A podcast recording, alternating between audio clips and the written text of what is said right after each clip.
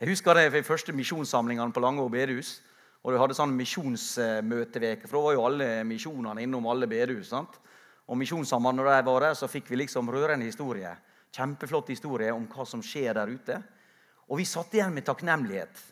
sant? De lærte oss takknemlighet. Det husker jeg veldig godt. Og så varte min takknemlighet kanskje ikke så veldig lenge. Og måtte minnes på det gang på gang. Men vi skal få lov til å være takknemlige for de som er der ute, våre forfulgte kristne søsken, som kan lære oss noe. For det de sier til oss, det de ber oss om, det er ikke bare penger, og det er ikke første rekke penger. De sier først og fremst, framfor alt, be for oss. Det er det de sier til oss når vi spør dem hva de trenger. Eh, vi sang denne sangen 'Du er nær meg, Gud'. Det var ikke meninga å, å, radbrekke den gamle, fine teksten om 'vær meg nære, Gud', en inderlig god bønn. Men jeg kom på det en annen gang jeg skulle ha en tale, at jeg nå skal jeg ta og skrive om denne litt. For at vi kanskje kan få et nytt perspektiv på det. Og så tenkte jeg 'du er nær meg, Gud'. Jesus har jo sagt 'jeg er med dere alle dager'. Og Det er jo ikke galt å be Gud om å være nær meg, men det er så godt også å vite at han har sagt at han er det. For vi har med en Gud å gjøre som er nær. Ikke for at det alltid kjennes slik, men fordi han har sagt det. Intet mindre. Det er en Gud som er nær, som vil være nær, som vil virke gjennom oss. Og eh, kanskje har vi glemt en hemmelighet som de forfulgte kristne. Våre forfulgte kristne søsken kan lære oss.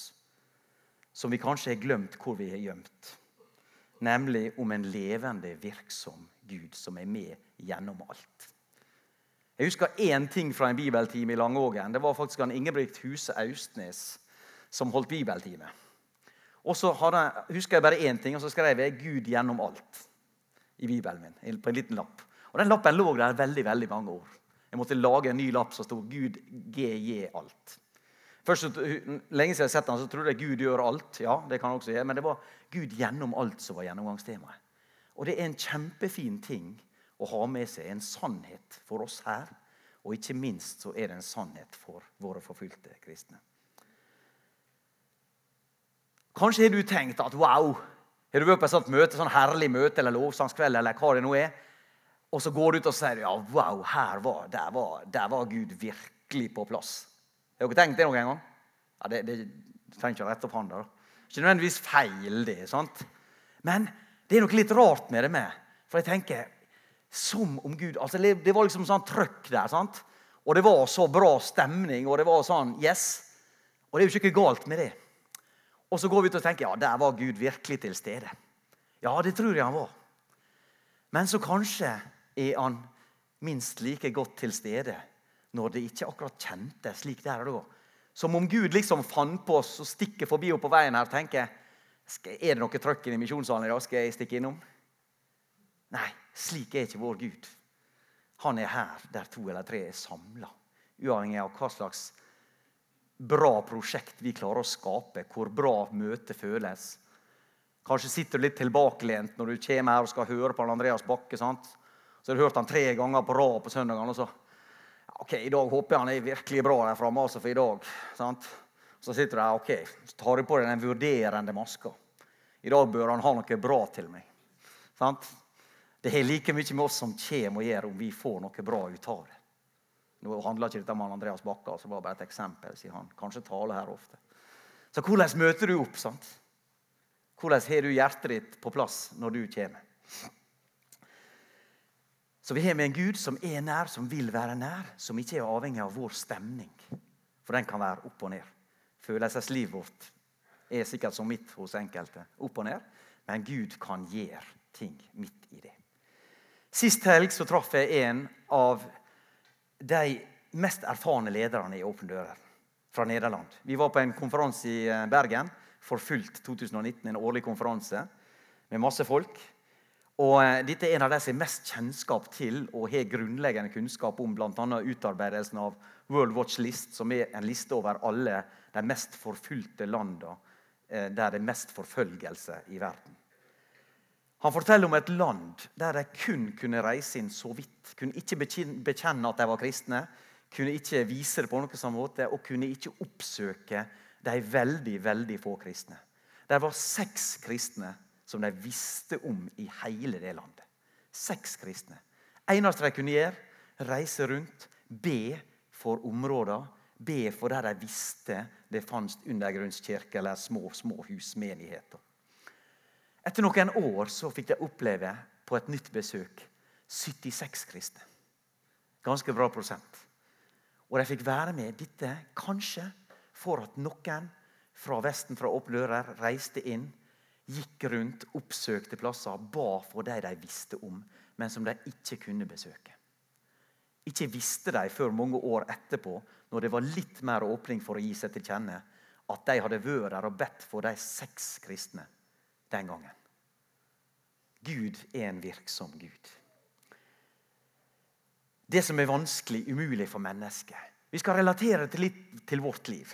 Jeg bruker å jogge av og til, eller springe eller gå alt etter forma, da, rundt i nabolaget. Og så ble jeg utfordret til å be for enkelte av naboene mine eller på MLM rundt omkring. Og så sprang du litt, eller gikk litt, og så av og til når du hadde disse edle, gode øyeblikkene at Gud snakka til deg, tenkte Helge, du skulle jo be for disse husene her. Husker ikke du det? Ok. Og så hører du han Helge, da. Ja, men Helge, her borte er jo ikke håp. Sant? Har dere tenkt sånn noen gang? Altså, er jo, Disse er jo så motstands... Hva skal jeg si, dyktige. Eller jeg er jo så lite klar. Så stor motstand mot det som vi står for, om det nå er på bedehus eller hva. Men Gud kan virke. Så vi skal be. Det fins håpløse situasjoner nært oss. Menneskelig sett håpløse. Og det fins håpløse situasjoner der våre forfulgte kristne lever hver dag.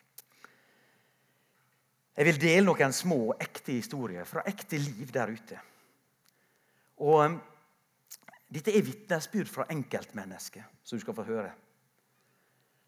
Og disse har noe å lære oss og inspirere oss til. Vi skal til et land, Sentral-Asia. Jeg må være av og til forsiktig med å si hva landet det er ikke for å være sånn hemmelig wow, agentopplegg, men det er bare at det, er for å bevare dem, beskytte de kristne. At det ikke alle land åpne dører kan si at vi har arbeid. Eh, et av disse landene i Sentral-Asia, en streng islamsk stat, der er det veldig veldig mange av en eller annen merkelig grunn veldig, veldig mange som blir født døve. Det er en stor stor andel døve mennesker det er få eller ingen som vet akkurat hvorfor det er slik, men det er en veldig stor prosentvis som er døve i det landet. Ehm, når du er døv i dette landet, så har du ingen framtid, ingen lysende framtid. I en islamsk stat Allah har sagt døve mennesker kan ikke komme til himmelen. Ingen håp, ingen framtid, ingen grunn til å bli satsa på. Blir nekta skole, helsetjeneste, eh, sosialt liv, ofte utstøtt av sine nærmeste og alt rundt seg. Det blir nesten sett på som en forbannelse. Det var en jødisk mann der som skulle flytte fra dette landet. Rett før han skulle flytte, så ga han en bibel til en nabo. Denne Bibelen ble bare stående i hylla i flere år. Men etter noen år så tok denne mannen fram denne bibelen og begynte å lese. Og så virka Guds ord rett til han. Vi har kanskje glemt at Bibelen er virksom bok. Sant? Kanskje skal vi tenke når du åpner denne boka, så virker den. Den kan virke. Den er sagt at den virker. Det er Guds i bok. Det var en gutt som eh, børsta støv av ei bok borti ei bokhylle. Kan det kunne sikkert vært i Norge. Vi er hjemme hos noen av oss. Så gikk gutten opp bort til en bok og sa mamma, gikk bort med Bibelen. Dette er Guds bok. Ja, ja, dette er Guds bok, sa, sa mora. Ja, men eh, hvorfor leverer ikke vi henne tilbake? For vi bruker jo ikke henne. Sant? Og da sa han wow. Kan det være slik av og til? La den boka ligge åpen hjemme, folkens. Da innbyr den dere til å lese. La det ligge som en åpen bok. I Egypt så er det en bokhandel. Det finnes flere. Men blant annet er det en bokhandel der det står en stor bok, og så hver morgen i vinduet, sånn som Sunnmørsposten Husker dere det ute i Ute i gata var det stor Sunnmørsposten i sånne glassmontere. Helt ukjent for en oppvoksende generasjon. Før alt som heter nett. Sunnmørsposten lå liksom i sånn glassmonter, så du kunne stå på gata og lese Sunnmørsposten. kunne bare gå sånn bortover. Dagens avis. Det var, det var liksom det, sånn service fra Sunnmørsposten. I Egypt er det en bokhandel som da har en stor bibel. Hver dag så går innehaveren, og så tar han et blad og blar et blad. Slik at du hver dag kan lese et nytt kapittel, to nye sider i denne boka. Ei levende bok som lever midt på gata. Um, det var et lite sidespor. Denne boka som blir brukt, da, denne begynte å lese og virke. Denne mannen som var igjen i dette landet, gift, hadde gifta seg med ei dame, hadde fått to barn som var døve. Og det var hardt. Selvfølgelig var det hardt. Gud, hva er dette? Sånne spørsmål som vi alltid stiller oss når ondskapen kommer, når de vanskelige tingene kommer. Hvorfor dette må skje, her? Um, men disse to starta et arbeid. Gjennom å bli kjent også med åpne dører så starta et arbeid for, spesielt for de som var døve, for døve barn, for døves eh, familier rundt. Det vokste og vokste, og til slutt så hadde de trukket til seg 15 000 barn. Altså Dette var et opplegg som ga dem utdanning, ga dem noe som ellers ingen ga dem. Og disse begynte å lure. Hva er det med dere som starta et arbeid for oss? Ingen har gjort noe for oss før. Dere starter det. Hvor er Noen begynner å spørre til hjertet deres. Til slutt så var det 15 000 mennesker som var nådd i dette arbeidet. 3000 av dem har valgt å følge Jesus. Ut fra dette Gud virker gjennom først si bok, gjennom mennesker som blir sendt. Kanskje kan vi oppleve at ikke Gud virker direkte, men se rundt deg mennesker som blir sendt, situasjoner som skjer. Gud virker. Fantastisk. Og noen begynner å lure hvor kommer denne godheten fra. Denne godheten kan en si kommer fra Mesterens mester. Han som vi tror på, han som er konge i vårt liv. I det samme landet var det veldig veldig streng kontroll med grensene mellom to av landene. Men to døve som hadde trykka på med dette, her, bestemte seg vi skal smugle bibler. Vi skal over grensa og smugle bibler. Disse kunne ikke lese, men de hadde en sånn sterk brann. Og eh, Langs hele denne grensa var det vakttårn på vakttårn på vakttårn. Men på et sånn ganske langt område det var nesten så De ikke så vakttårnet fra den grenseposten til den andre. Der tenkte disse døve her kan vi gå. Så over der gikk de. og de, Det var jo skilt og greier der med sikkert mye rar skrift som de ikke skjønte. Men disse her gikk over der. Gang på gang. Passerte grensa med Bibelen mange, mange ganger. Men så en dag ble de likevel tatt, antasta, fanga eh, av politiet. Grensepoliti. Og de ble spurt, og de kunne jo ikke så mye snakking og språk, men via tolk så ble det Hva i all verden, dere, Hvor har dere passert hen? Hvordan har dere kommet dere inn? Og Via mye styr og fram, så ble de, måtte de bli med dem tilbake og vise plassen. Da. Det endte slik. Når de nærma seg grensa, så stoppa vaktene. Hei, hei, ikke, stopp, stopp, stopp. Vi går ikke lenger. Mens disse andre bare gikk videre. Det er ikke her, det er litt lenger framme. Og de ble nesten huka tilbake og tatt, fordi det, dette var et stort minefelt. Så de hadde vandra eh, tilforlatelig gjennom. Og Vaktene turte ikke gå, og det endte altså med Vaktene var helt forferda. Jeg fikk sånn assosiasjoner til vaktene ved Jesu grav. Men når Allah ikke har rørt dere, så vil ikke vi røre dere. Og det var på en måte en helt sånn her surrealistisk situasjon. Så de lot dem gå. Ikke veit jeg hvordan det gikk etterpå. Det må vi kanskje få høre om en annen gang. Men en veldig respekt for hva er dette? Hvem er det dere tjener? Hvordan kan dette gå an? Det er minelagt der. Det er derfor vi ikke har vakttårn der. Det trengs det ikke, for der er mine. Og det er advarsel om mine på begge sider. Hvis du tar deg bryet med å lese. I det samme landet det kan være veldig veldig tøft å eh, vokse opp som barn av kristen familie og som kristne. Barn på skolen i en by i dette landet eh, opplevde at mobben Foreldre sier til barn disse kommer fra en kristen familie. Da kan jeg gjøre hva dere vil med dem. Sånn er realiteten. Å komme til skolen Du kan bli banka opp, hetsa, trakassert for at du kommer fra en kristen familie. Du har foreldre som ønsker å være kristne.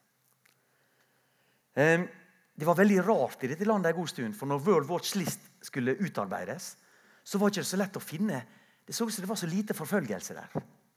Hva er, hva er det som så ut som det er helt underrapportert fra disse landene? Hva er det som skjer?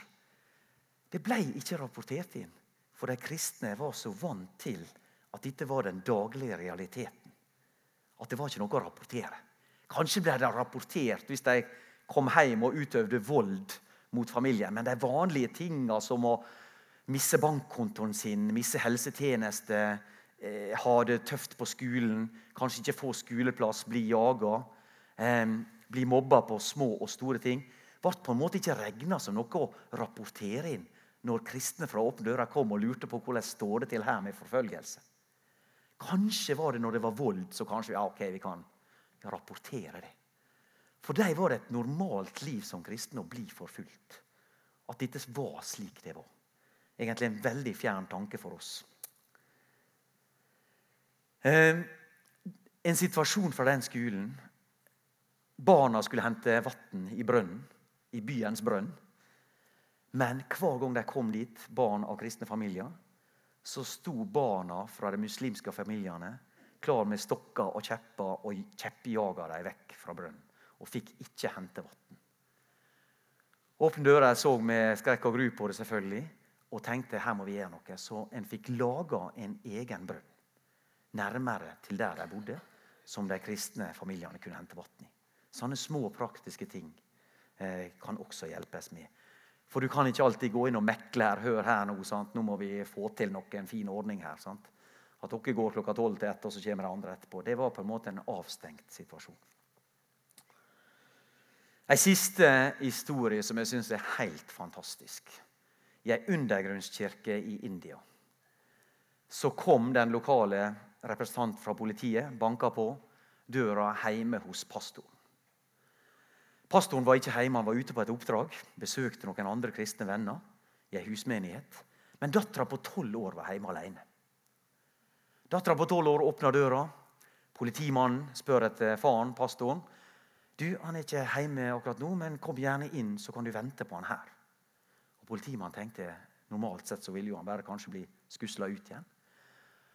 Og eh, satte seg ned, fikk en kopp te. Denne jenta på tolv år, folkens varta opp denne politimannen i sitt eget hus.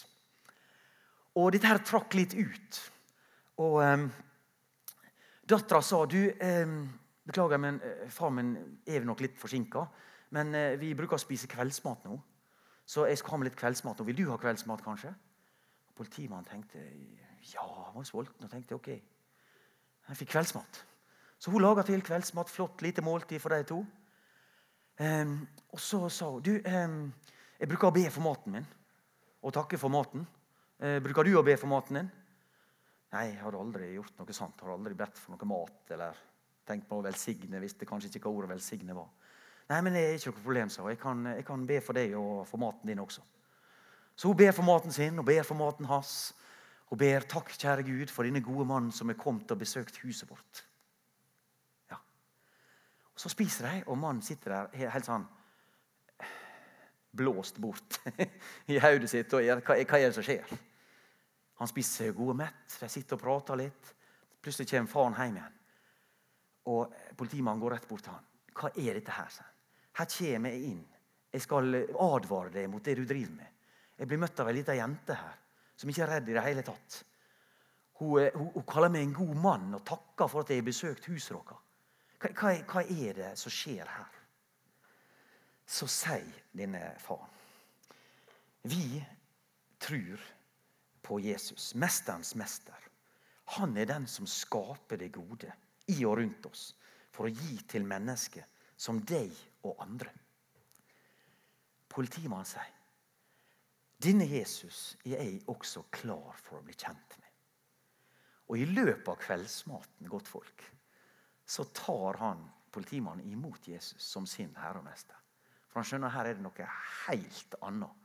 Et helt annet regime enn det jeg sjøl tjener. En helt annen ånd, en helt annen nåde. En var ikke hørt om noe som ligner. I dag er det denne politimannen som beskytter pastorens kirke. Som fortsatt politimann. Han har på en måte et øye for. Altså Gud virker. Um, Det var ei reisegruppe som kom til et land i Afrika. Fra åpne dører. De kom inn i en by, visste ikke helt Guiden sa nå har vi veldig lite tid i denne byen. Det er kun i dag vi kan gå rundt her og vase, fikk de inntrykk av. Er, her er det såpass skummelt for oss nå at det kun i dag. Guiden var stressa. Dette her er, Og de visste egentlig ikke helt hva skal vi. Vi har med oss bibler på dette språket her. Vi, vi tror at Gud skal gjøre noe her. Så kommer de til et hus. Ei husmenighet viser seg. Der de for sjuende dag på rad har møttes. De har fasta i sju dager, denne forsamlinga. For at de har bedt om at noen skal komme med støtte og hjelp til dem. Og de har bedt om bibler. Eller kristen litteratur. Altså noe som kan hjelpe oss her vi har det ganske tøft. Sju dager har de møttes her. Det er nesten som Jerikos murer-prosjektet. Og Denne kvelden her så møtes de egentlig bare for å altså, De sa egentlig vi møttes for å gi opp. Vi møttes bare, vi må samles til siste kvelden. Vi fasta i sju dager. Vi møtes nå. Så skjer det at denne gruppa, sendt fra Gud, møtes og kommer akkurat til dette huset med litteratur. Altså tilfeldig, eller som vi kan si, liker å si gudfeldig. La vi i større grad kalle ting for gudfeldig, folkens. Vi ber om masse. Det skjer ikke alltid slik som vi tenker og ønsker. Men ha øynene åpne og hjertet åpent for at Gud virker i og med oss. Altså Det er kanskje en litt ukjent tanke for oss at de ber for oss, men det er det de sier. Um, og de opplever altså bønnesvar. Av og til slik så dette at Guds ekte varer leverer på døra. Nesten som en sånn Adams matkasse. sant? Kommer bare nye leveranser hele tida. Og eh, det som er, De sier til oss husk på dere i Vesten. Dere har kanskje ikke forfølgelse på den måten som vi opplever. Og Noen spurte hvorfor har ikke vi det i Vesten. Nei, her brukes det en annen taktikk. Dere har forførelsen sa de til oss. Dette forteller folk fra den andre sida av verden oss, til oss kristne. her. Dere har forførelsen, dere har kanskje ikke forfølgelsen. Um, så sier jo Bibelen den som vil følge meg, skal bli forfulgt. Jesus sa det. Og Det er en rar greie for meg også, som jobber i åpne dører, og kjenner det og bruke tid på å skjønne litt hvordan henger dette sammen. Det står at vi skal bli forfulgt. Men den gode historien rundt det er at husk på det, godt folk. Der det er forfølgelse, så vokser også Guds rike fram. På helt uforståelig menneskelige måter. Det er det sannheten om den forfulgte kirke. Våre forfulgte kristne søsken.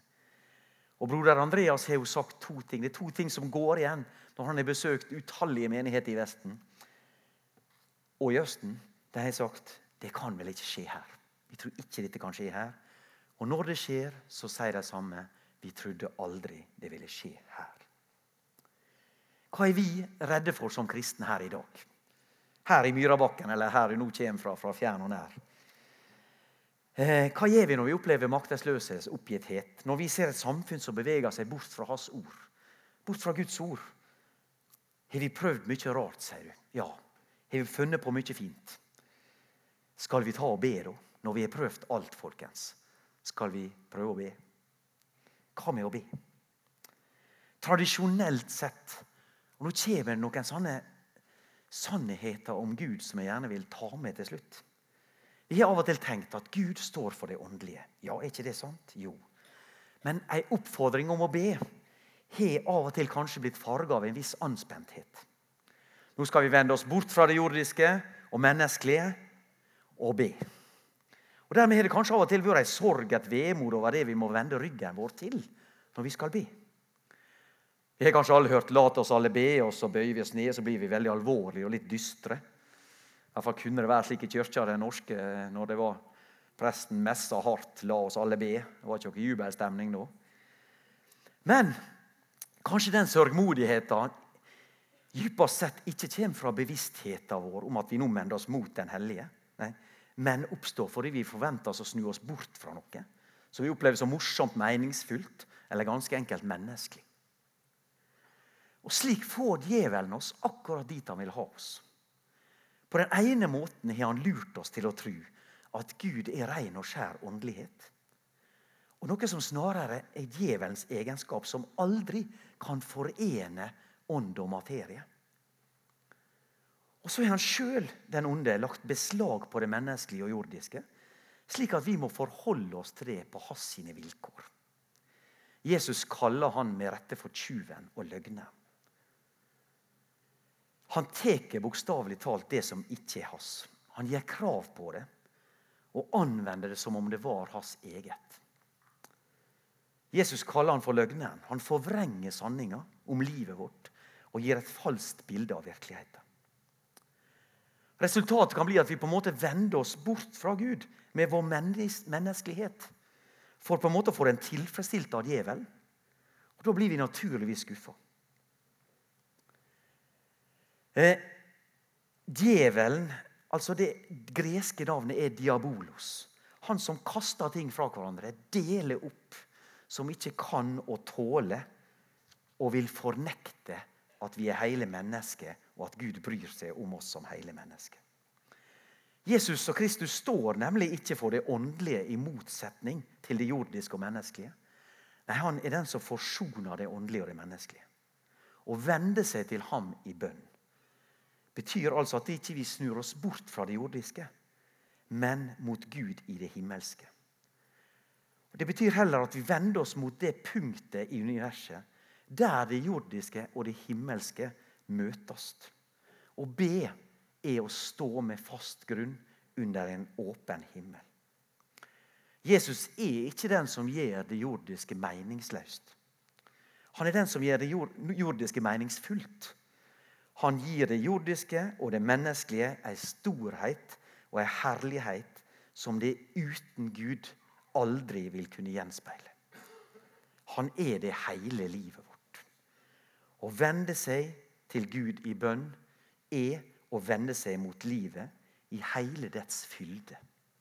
Slik Paulus sier om Kristus. For i ham ville Gud la hele sin fylde ta bolig. Å søke å finne Gud i alt. Den virkeligheten som jeg til daglig opplever her på jord, kan fortelle noe om Gud. Ettersom det er i virkeligheten Gud fins og gir seg til kjenne. Gud er altså interessert i hele livet ditt. I deg der du er, med hele deg og det du foretar deg. Han deler ikke deg opp og deler ikke livet ditt opp. Han vil være der foran deg, i og med dine planer, og ikke bak deg etter at du har prøvd å lage en egen vei. Har du sprunget slik som kristen? Det går godt. sant? Vi suser på, Helge. Det går jo så det suser. Wow, klapp på skuldra. Kjempebra det du fiksa. Helt til det sånn Du, Gud, det går litt trått her framme. Skulle ikke du være med på dette showet her? Og så henter vi den liksom fram når det er nødvendig. Men folkens, vi er nødt i alle ting. Gud, før jeg skal gå, så må du komme her, Gud. Være her. Gå foran meg. Bare slik kan det lykkes. Å gå i egen kraft, det har vi prøvd alle, har ikke vi det? Det kan gå bra en god stund. Men du og du, hvor trått det kan gå når det handler om deg. Det er kjempebefriende folkens, i dagens samfunn, om du er ung eller gammel, at det ikke handler om deg. Det er nydelig at det ikke handler om deg. Jeg vil av og til at det skal handle om meg. Det er litt herlig er ikke det når det handler om deg? Ja. Men det er også kjempebefriende at det ikke handler om deg, men om en Gud som gjør deg til det hele og det store for seg. Så er det en liten oppfordring. Hvis du er sliten og lei, og så tenker du wow, Gud, jeg må ha påfyll. For jeg skal nå gi gass. sant? Om du skal tale, eller du skal på søndagsskolen, eller du skal ha miksklubben, eller hva du nå skal.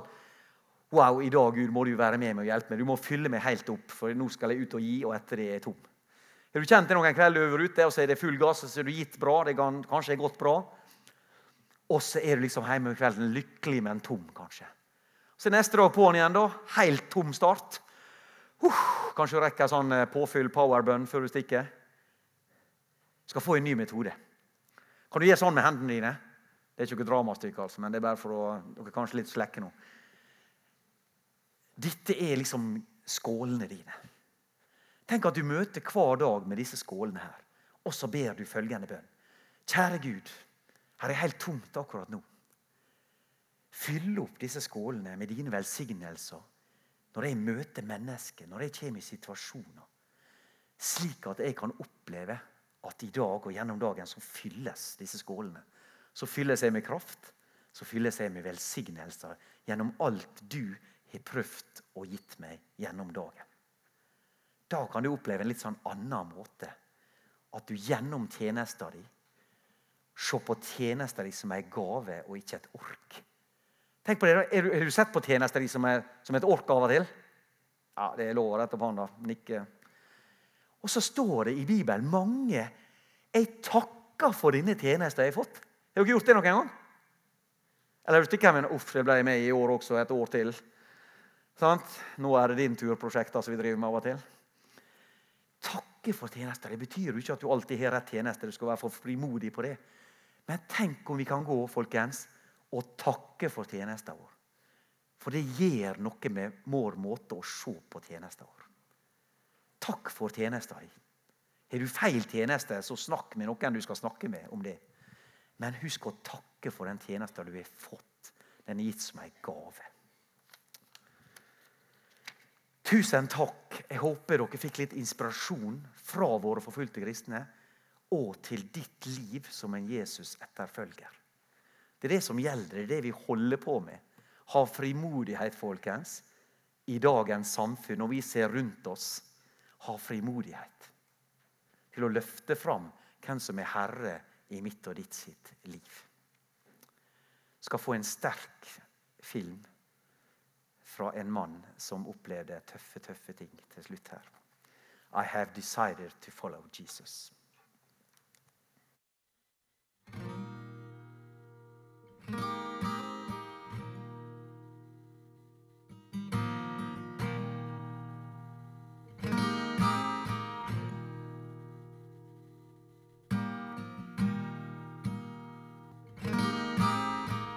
There's a true story of a small village in India.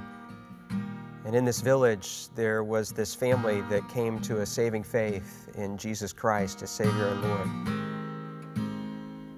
This agitated the village so much, and everybody became so upset that an angry mob gathered and shoved them into the public square. The village chief confronted them, and he said to the man, If you and your family will not recant your faith, you all will surely die.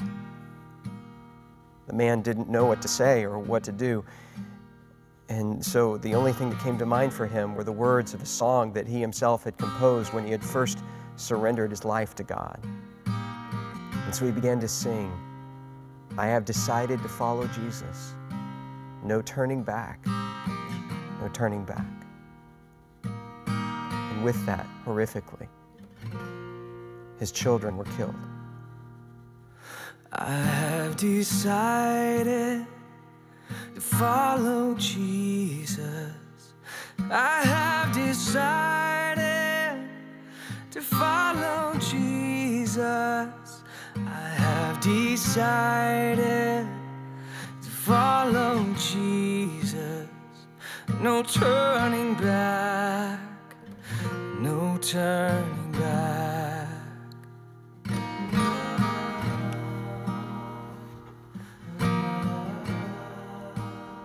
He was given another chance, this time with his wife's life on the line. And yet he continued to sing Though none go with me, still I will follow. No turning back, no turning back. Though none go with me, still I will follow. Though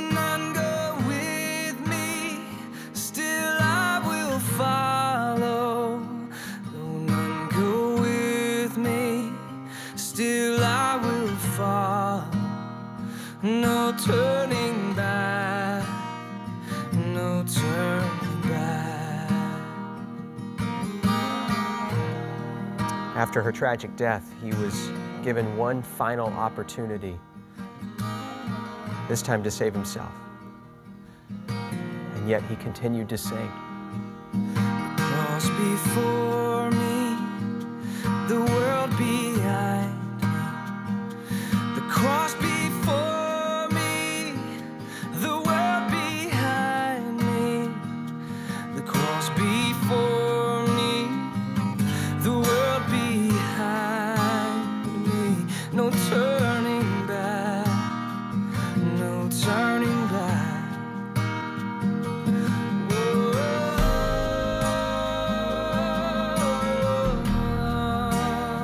Even though that man and his family died on that day, something remarkable happened. A seed was planted in the heart of that village chief, a seed that began to grow over time, and eventually he called the community together in that very same neighborhood, in that very same square. And he renounced his former faith and declared his allegiance to Jesus Christ. And a celebration broke out in that moment, and the gospel began to flourish and to grow in that community, not just in that village, but across the whole region. Because they had seen real faith, and they knew the true character of God because of a family that believed and sacrificed, even under the penalty of death. no